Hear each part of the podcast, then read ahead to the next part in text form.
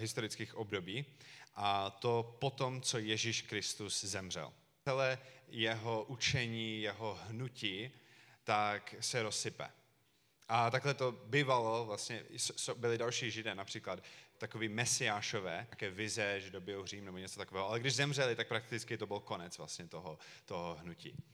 A, a je pravda, že potom, co Ježíš umřel, tak taky se rozutekli jeho učedníci. Vždyť, vždyť ten, vlastně, o kterém to celé byl, ten, který to celé vedl, tak, tak umřel. Takže se očekávalo, že teda to je konec křesťanství a že už o tom nikdy neuslyšíme. Ale potom se stalo něco úplně neuvěřitelného. A to, že ti učedníci tak začali mluvit o tom, že Ježíš, jo, on umřel, ale potom za tři dny tak vstal z mrtvých a on zvítězil nad tím, co potřeba, přišel zabít nebo překonat.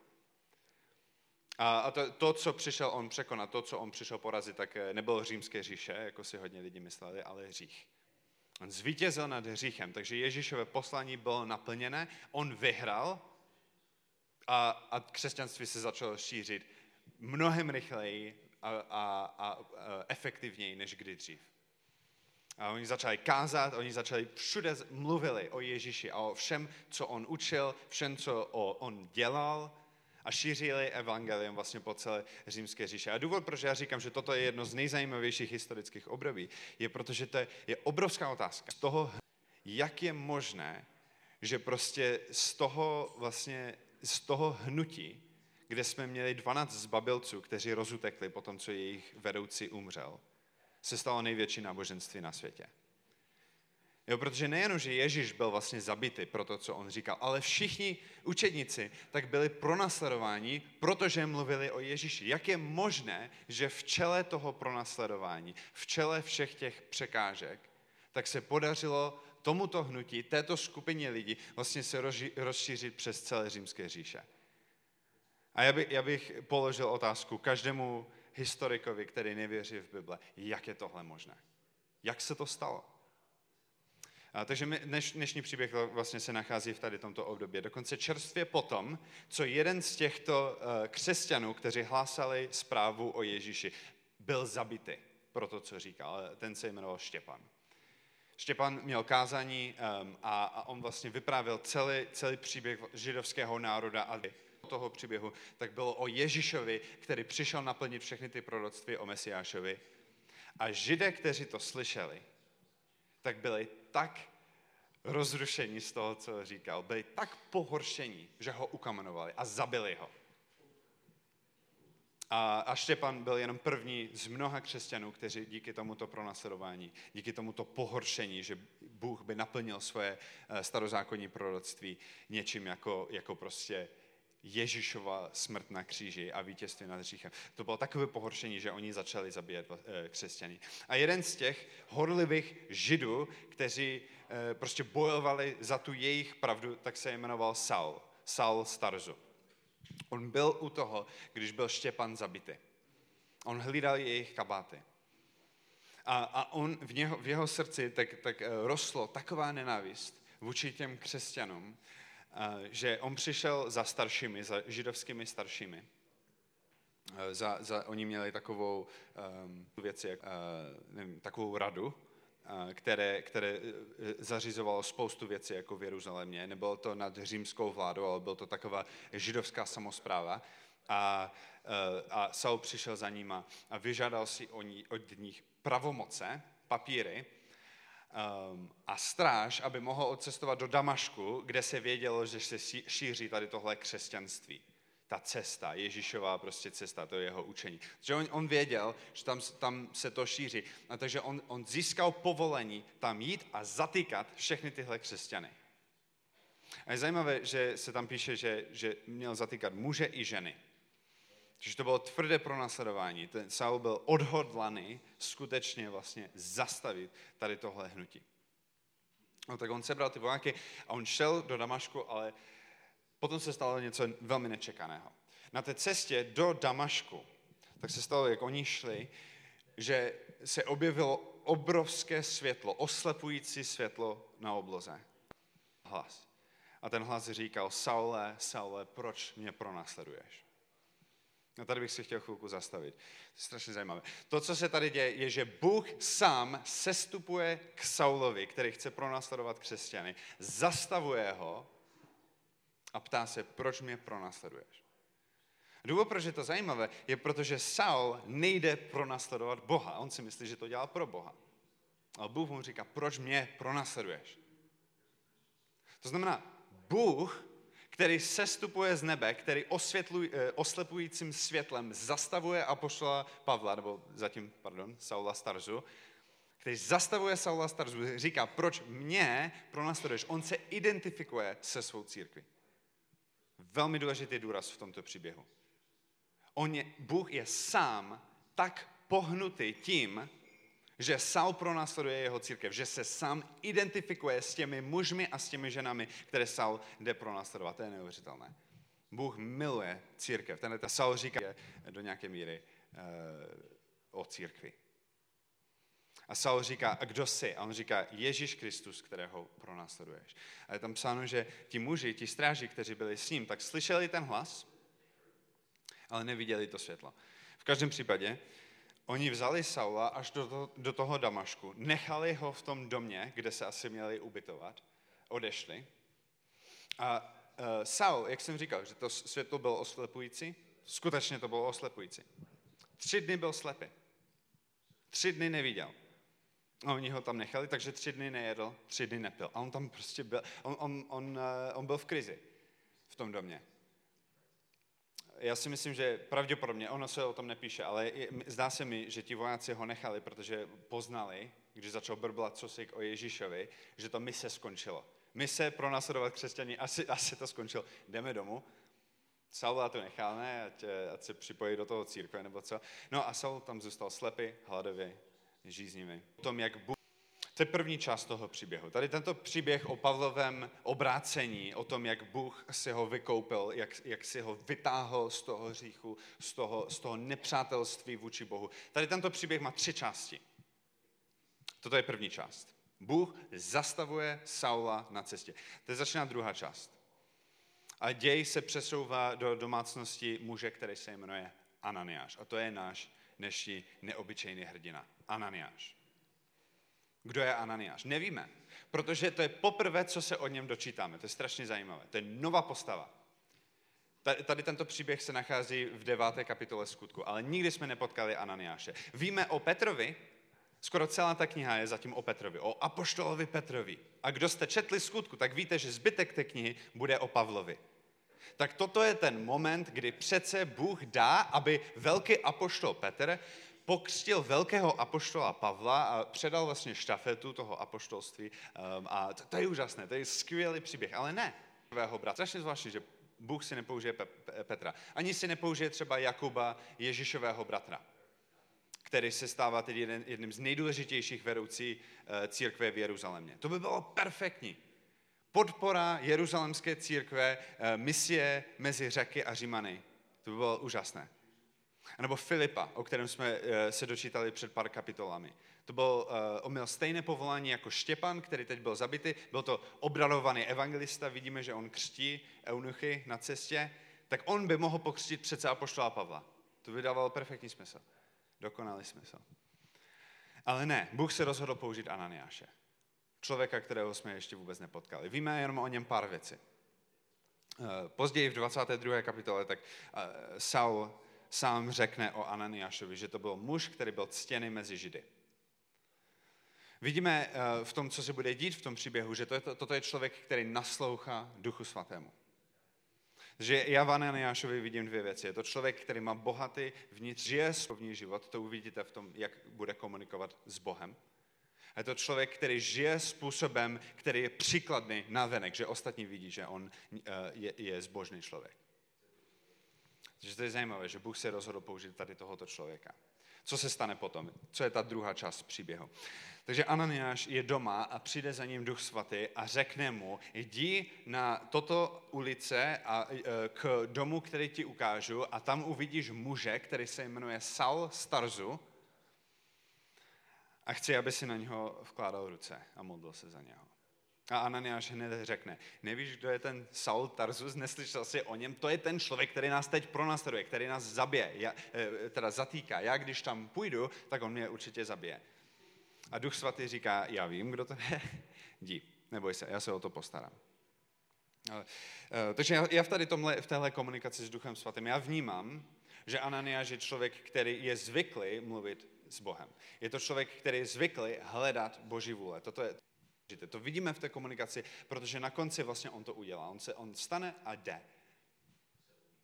Takže, takže mluví s Bohem, naslouchá Bohu a potom je poslušný vlastně a jde, i když se mu zřejmě do toho vůbec nechce. On tam skutečně najde muže, který se jmenuje Saul Starzu, ale je to někdo úplně jiný, než koho si on představoval. Je to slepý chlap, který tři dny nejedl a tři dny nepil. Vkládá na, jeho, na něho ruce, modlí se s ním, dá mu najíst, dá mu napít. Pavel Saul teda tak přijme Ducha Svatého a rozhodne se, že se chce nechat pokřtít. To je druhá část příběhu. Poslední část příběhu je, um, když Saul, který je pokřtěný, najezený, oh jo, pardon, to jsem ještě zapomněl říct, Ananiáš mu vrátí zrak. Modli se za něho, když na něho vkládá ruce, tak se Saulovi vrátí zrak. Takže už je zpátky, ale úplně jiný, úplně změněný. Třetí část příběhu Pavlového je, když Saul, Pavel, eh, vyjde do ulic Damašku a začne kázat o Kristu, o Ježíši. Začne mluvit o Ježíši. A všichni jsou úplně uh, prostě hotoví z toho, že Pavel, který přišel pro následovat Krista, tak místo toho zvěstuje Krista. Takže vidíme tam pár věcí, vlastně, co ten Pavel začne dělat v tom, v tom příběhu, jak to pokračuje v, tom třetím, v té třetí části. První věc je, že uh, Pavel káže najednou o Kristu. Nemůže jinak, než mluvit o tom, co se mu stalo. To je jedna věc. Další věc je tam psáno, že on začal diskutovat s farizéma a vyvrácel všechny jejich argumenty. A to je velmi zajímavé, protože uh, Saul byl předtím farizeus. A on zůstal farizejem, jako v jistém smyslu. Jako, že to, nebyl, to není teď jiný člověk, to je pořád stejný člověk, stejný Saul, ale teď Kristus používá to, co vlastně na Saulovi bylo největší jakoby, nepřátelství vůči církvi. Tak on to diskutuje a najednou on to používá pro svou slávu. Saul diskutuje s farizema a vyvrácí všechny jejich argumenty. On ví, uh, jaké je jejich uvažování. Oni, on ví, co oni si myslí o Ježíšovi a ví přesně, proč to není pravda. To je strašně zajímavé. Teď Bůh si používá Saula, vlastně uh, ten starého Saula, proto, aby oslavil uh, církev a sám, sám sebe. Pak se stane třetí věc. A to je to, že Židé se rozhodnou zabít Saula. A, a, a on se hned potká s opozici a, a musí utéct z Damašku. Takže tři části toho příběhu. Duch svatý přijde a zastaví Saula. Druhá část. Duch svatý pošle Ananiáše za Saulem, aby ho pokřtil a znovu ho postavil na nohou. Třetí část. Eh, Saul teď sám jde do ulic a začne zvěstovat Krista. A já vám řeknu, že my potřebujeme všechny tři části tohoto příběhu. Ten příběh nedává smysl bez všech těchto uh, třech bodů. Tak zně, kdyby Duch Svatý nesestoupil a nezastavil Saula, tak z něho nebude následně apoštol Pavel. Kdyby, kdyby Duch Svatý ne, nebral iniciativu v tomto příběhu, kdyby on se rozhodl, že sám nechce přijít za Saulem, tak nemáme apoštola Pavla. Ten příběh by byl zásadně jiný. Místo toho, aby on se obrátil a přijal Krista a stal se jeden z největších evangelistů všech dob, tak by zůstal pronásledovníkem křesťanů a dneska tak eh, asi, asi, asi jsme někde úplně jinde, vůbec jako lidská jako civilizace, tak jsme někde jinde, nebyt tohoto příběhu. Nebyt toho, že Duch Svatý tak se rozhodl zastavit na cestě do Damašku uh, Saula, Saula Starzu. A o tom vlastně je ten příběh. To, to, je, to je hlavní poselství toho příběhu. Hlavní poselství toho příběhu je, že bez doteku Ducha Svatého není žádný příběh. Bez doteku svatého není žádné obrácení Saula. O tom je ten příběh. On se rozhodl. On neposlal Petra, on neposlal Jakuba, on neposlal uh, Filipa, ale on se rozhodl, že sám zastaví Saula. A nic z toho, co se stane v druhé části a v třetí části, se nestane, když, pokud se Saul nesetká sám s Bohem. Vlastně celý ten příběh je orchestrovaný tak, že je to závislé na božím jednání. Um, potom, potom přijde uh, druhá část toho příběhu, když se uh, Saul potká s Ananiášem. A to je velmi zajímavé, protože um, bez první části by Saul se nestal apoštolem, ale, ale zůstal by pronásledovníkem. Ale bez druhé části, tak se taky Saul nestane apoštolem, ale stal by se slepým žebrákem v cizím městě. Nebyt toho, že Duch Svatý se poslal eh, Ananiáše, aby se věnoval Saulovi, tak ten příběh taky skončí úplně jinak. Proč? Protože Ananiáš je tak ohromně důležitý? Rozhodl, že Ananiáš bude důležitý v tomto příběhu. A to, to je strašně zajímavé. Um, protože, jak říkám, na jednu stranu, bez Ananiáše ten příběh nedává smysl. Bez, bez Ananiáše tak Saul zůstane hladový v tom domě. Na druhou stranu, takže, takže Ananiáš je důležitý. A na druhou stranu, ono je vidět, že on je jenom důležitý, protože Bůh se rozhodl, že bude důležitý. Když Spider-Man potkal radioaktivního pavouka, tak dostal superschopnosti. Ale když Saul potkal Ducha Svatého, tak oslepil. Jo, místo toho, aby když Duch Svatý přišel k Saulovi a naplnil ho prostě nějakýma superschopnostma, jo? prostě eh, stáhl mu veškeré teologie, které bude potřebovat do mozku, veškerou víru, kterou potřebuje, eh, schopnost prostě kázat. Proč mu nedal superschopnost, že nikdy nebude hladovět? Místo toho, aby mu dal hlad. To je zajímavé. Místo toho, aby Duch Svatý, když se setkal s Saulem a naplnil ho jako obrovskou schopností teď šířit křesťanství všude, tak naopak on ho oslabil, aby potřeboval církev, aby potřeboval Ananiáše. Co chci říct, je, že Bůh nemusí potřebovat Ananiáše, ale rozhodl se potřebovat Ananiáše. On, on, on, on celý ten příběh orchestroval tak, aby Saul skončil v tom domě, a potřeboval, aby člověk, věrný, zbožný člověk s bohatým duchovním vnitřním životem, který se chová příkladným způsobem na venek, k němu přišel a věnoval se jeho potřebám. Bůh se rozhodl potřebovat Ananiáše. Přátelé, Ananiáš v tomto příběhu reprezentuje církev. On není apoštol, on není nějaký hrdina, to není svatý s velkým S, jako nějaký titul, svatý Ananiáš,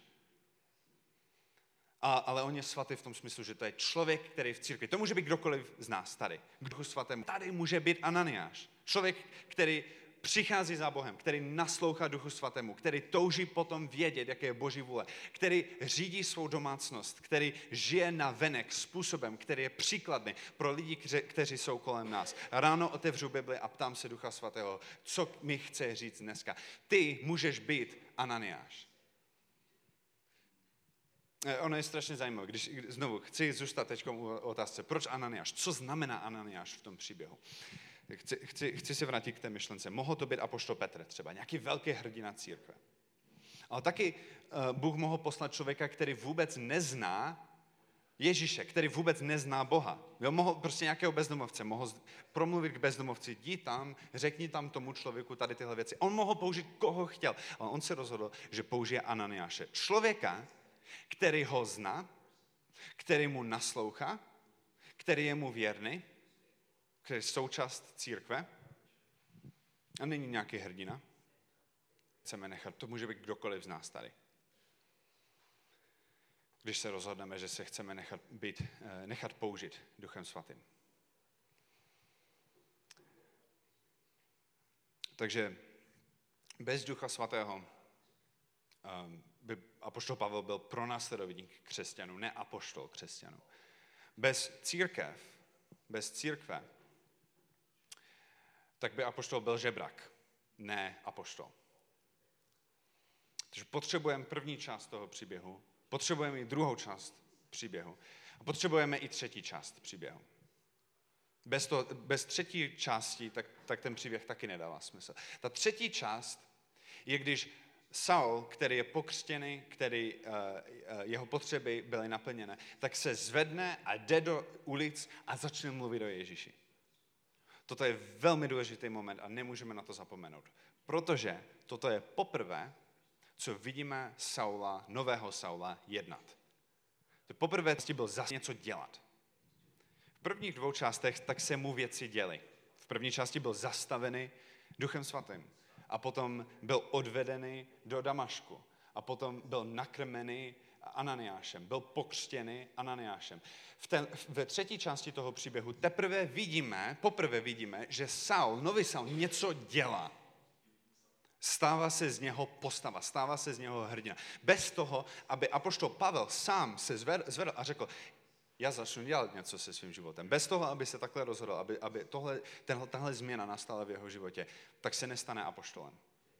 Dovedete si představit ten příběh, kdyby on byl zastavený duchem svatým. Bůh mu pošle Ananiáše do své cesty, který, který mu dá najíst, který ho pokřtí. A teď Saul řekne, aha, tak asi ten Bůh existuje, asi Ježíš fakt byl jeho syn. A teď se vrátí do Jeruzaléma a stane se výrobcem stanu. Konec příběhu. Bez té části, kde Saul se rozhodne, stalo se mi něco neuvěřitelného. Stala se mi teď ta největší věc, kterou se mi mohlo, které se mi mohlo stát. Já začnu, nemůžu být sticha, nemůžu to držet, nemůžu to dusit v sebe. Musím to všem říct. Víte, co se mi stalo? Já jsem se setkal s Ježíšem. Všechno, co jsem říkal předtím, to není pravda. Ježíš je naplněním všech těch proroctví. Já jsem ho viděl, já jsem viděl Boha, on mi otevřel oči.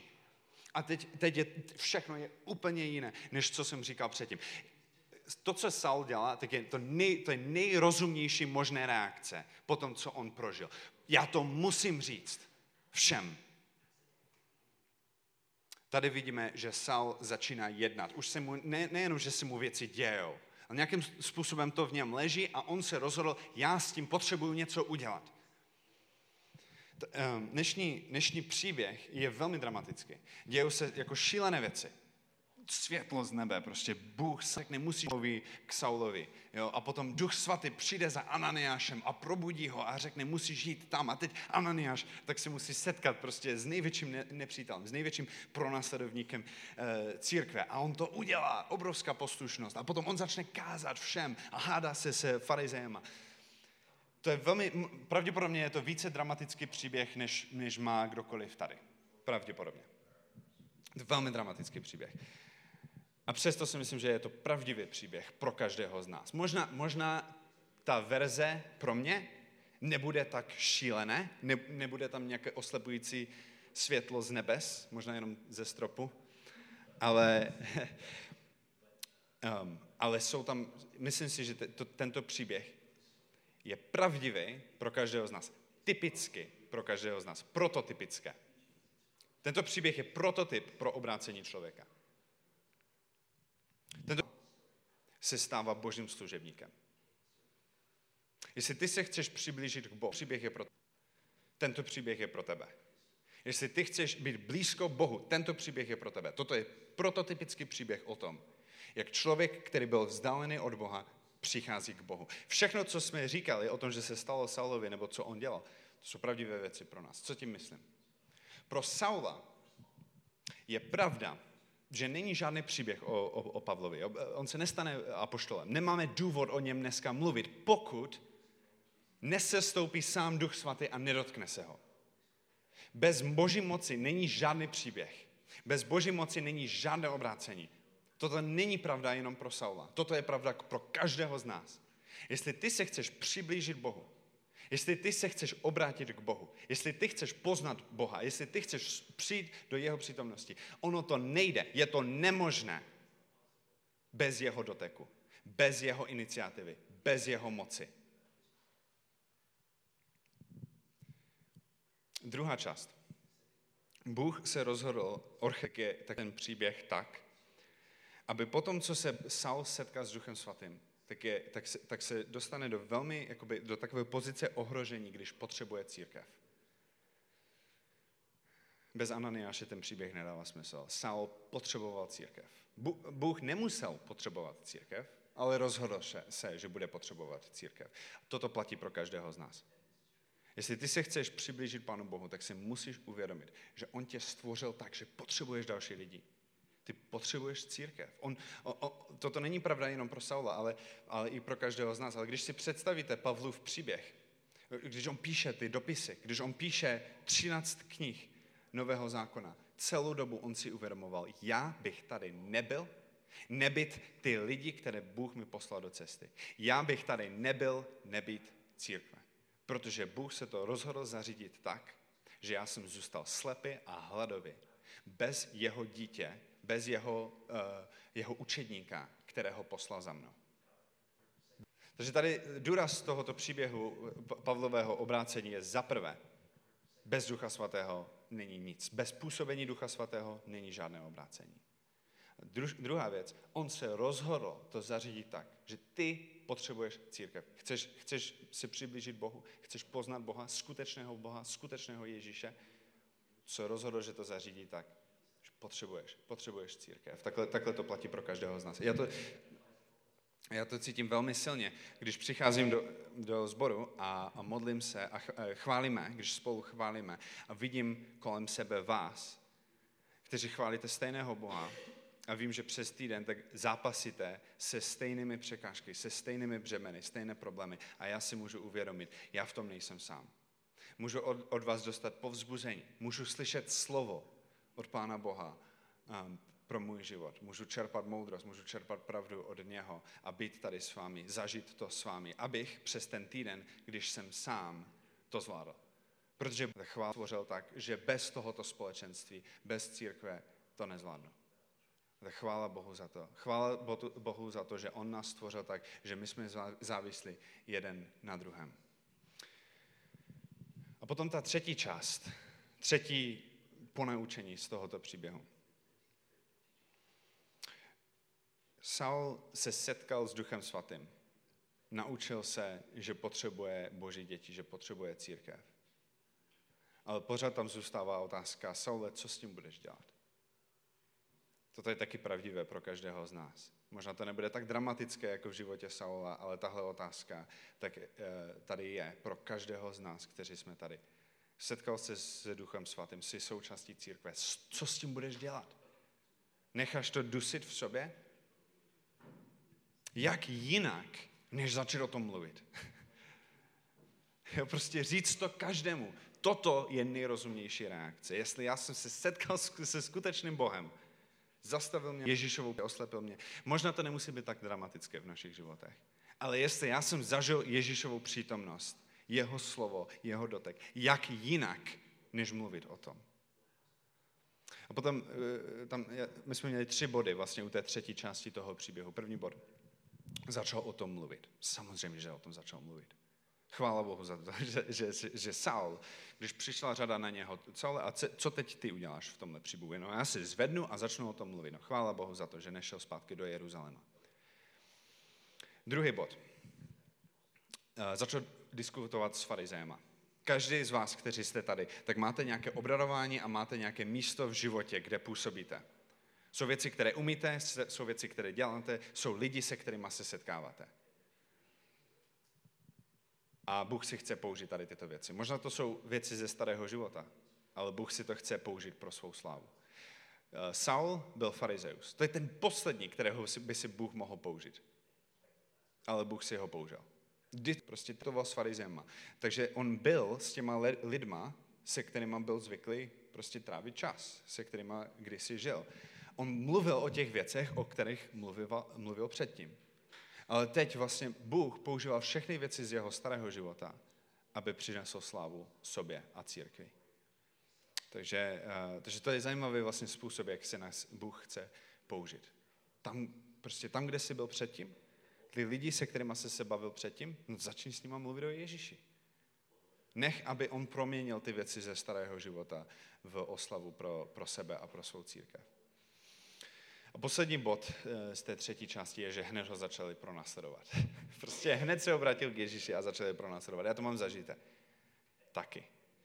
že když děláme dobré kroky správným směrem, nepřítelovi se to nelíbí a on zareaguje.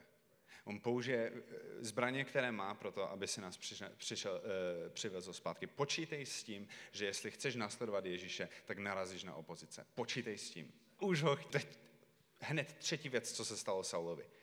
Možná jeden den kázal, jo, a už ho chtěli zabít. Takže znovu, možná to nebude tak dramatické ve vašem životě, ale, ale pokud děláte kroky správným směrem, tak je to znamení, eh, tak nepřítelovi se to nelíbí. A jestli nepřítel na tebe útočí a vklade ti, eh, dává ti klacky pod nohy, snaží se tě zastavit v tom, co děláš, eh, tak je to pravděpodobně dobré znamení, že jdeš správným směrem. Protože jemu se nelíbí, když se přibližujeme Ježíši a když se necháváme Ježíšem použít. Takže ještě než, než zhrnu, co, co všechno jsme se mohli naučit z tohoto příběhu, tak jenom řeknu jednu věc. A to je to, že um, tady tenhle příběh není jenom o Saulovi, ale je to i o Ananiášovi. A, a doufám, že v tomto kázání jste se viděli v Saulovi a možná, je možné, že Bůh promluvil k tobě, vlastně co ty musíš dělat jako takový Saul, nebo co by si měl dělat jako takový Saul, který se chce přiblížit Pánu Bohu nebo možná si pamatuješ na věci, které udělal ve tvém životě. Ale ještě si v církvi rozměr tohoto příběhu a to je to, uh, ty jsi i Ananiáš. Uh, pokud jsi v církvi, pokud máš Ducha Svatého, pokud se chceš nechat použít uh, Bohem, chci, aby jsi se teď trošku vcítil do Ananiáše. Protože chci, chci jednu velmi zajímavou věc na něm. On, pokud víme, tak neusvědčoval Saula. Jo, on neřekl, ty Saule, přestaň pronásledovat ty křesťany. Jo, to je to nejmenší, co mohl říct. Aspoň tohle. Přestaň pronásledovat křesťany. Jo, to není moc těžká věc. Ale ani tohle, pokud víme, tak neřekl. Vlastně on přišel, vkládal na něho ruce, modlil se za něho, vrátil mu zrak, dal mu najíst, dal mu napít, pokřtil ho. On ho maximálně podporoval. Já si myslím, že Ananiáš si uvědomoval, že on není hlavní postava v tomto příběhu. On není hlavní postava v Pavlovém životě. On je jenom doprovod. Ten, který mění Saulovo srdce, ten, který obrácí Saula, je Duch Svatý. Takže jestli chceš být Ananiáš, což doufám, že chceš, doufám, že se chceš nechat použít Bohem, aby si mohl promluvit v ten správný čas do života člověka, úplně změnil dějiny. Doufám, doufám, že tohle si chceš vzít na sebe, ale pokud ano, tak chci, aby si si vzpomínal na jednu věc z tohoto příběhu. A to je to, že od začátku do konce hlavním jednatelem je Duch Svatý bez, ducho, bez působení eh, Boží moci, tak se nic nepohne ve tvém životě. A bez působení Ducha Svatého, tak se nic nepohne v životě toho člověka, kterému svědčíš nebo s kým mluvíš. Ty jsi doprovod. Někdy jsou chvíle, kde je důležité, abychom napomínali jeden druhého, ale v tomto příběhu Ananiáš, který má spoustu věcí, co by mohl napomenout Saulovi, nenapomíná vůbec nic jenom se nechává použít, aby postavil Saula zpátky na svých nohou. A to práce usvědčování, práce změny, práce obměny, tohle nechává na duchu svatém. Velmi důležité. Dobré, takže teď dneska zhrnu, teda, o čem je tenhle příběh. Takže první věc, bez boží působení, bez boží, boží moci neexistuje obrácení. Bez nemáš šance se přiblížit Pánu Bohu z vlastních sil bez působení Boží moci. Jestli se mu chceš přiblížit, tak začni se modlit, aby on tě sám vyzdvihl, aby on tě sám přitáhl do své přítomnosti, protože jinak to nepůjde. Druhá věc. Bůh se rozhodl potřebovat církev. Jestli nejsi v církvi, potřebuješ církev. On tě stvořil tak, že se mu nemůžeš přiblížit bez církve. Pokud jsi v církvi, tak raduj se z toho, že on se tě rozhodl použít. Ale zároveň se vnímáním toho, že stejně jsme závislí na Duchu Svatém. My jsme jenom potřební, protože on se nás rozhodl potřebovat. Třetí věc. Co s tím uděláš? Stalo se něco ve tvém životě? Setkal se s Bohem? Jsou tyto věci pravdivé i ve tvém životě? Co s tím uděláš? Přece nenecháš, aby toto všechno požehnání, které ti dal, tak nechalo ležet. Co s tím uděláš? Mluv o tom. Nech se použít. Poslední věc, co bych chtěl říct, je, je možná to, co měl eh, Saul na mysl, když moje děti chával použít. A já jsem to zažil tento týden, když uh, moje děti uh, poslouchali dětské chvály, kde, kde je takový verš, který se pořád opakuje při každé sloce a v tom verši se říká Here comes Jesus riding on a donkey. Že tady přichází Ježíš a jezdí na oslovy. A v každé sloce se to takhle opakuje. Až vlastně v té poslední sloce, tak je tam verš uh, Here comes Jesus rising on the clouds. Tady přichází Ježíš a, a uh, znáší se na, na oblacích nebo něco takového. Uh, a já si myslím, že možná Saul si uvědomoval něco takového. Ten Ježíš, kterého já jsem pronásledoval, který přišel do Jeruzaléma na oslovy, který tak miloval lidi, že položil svůj život za ně. Tenhle Ježíš, který byl mezi námi, který mil svým učedníkům nohy. Ten, kterého jsme zabili. Tak to je mocný boží syn, který přijde v poslední den soudit všechno. To je ten, který může všechno. To je boží syn, který, který sestoupil na náš úroveň mezi námi. Wow. Ten, který mě zastavil, který tak miluje svoje děti, že by mě zastavil v tom, co dělám, který, který by sestoupil ke mně, k největšímu nepřátelovi Boha a obrátil mě. Chvála Bohu za to. Chvála Bohu za jeho moc, chvála Bohu za to, za jeho lásku. Já si dovedu představit, že toto je to, co bylo v Saulovi, když on šel a když on mluvil. To není, že si nutil. To je o tom, že on byl tak plný Boží slávy a jeho lásky, že nemohl jinak, než o tom mluvit. Tak pojďme si vzít příklad eh, ze všech postav v tomto příběhu a, mm, a, a zkusme tak žít i v tomto dalším týdnu. Amen.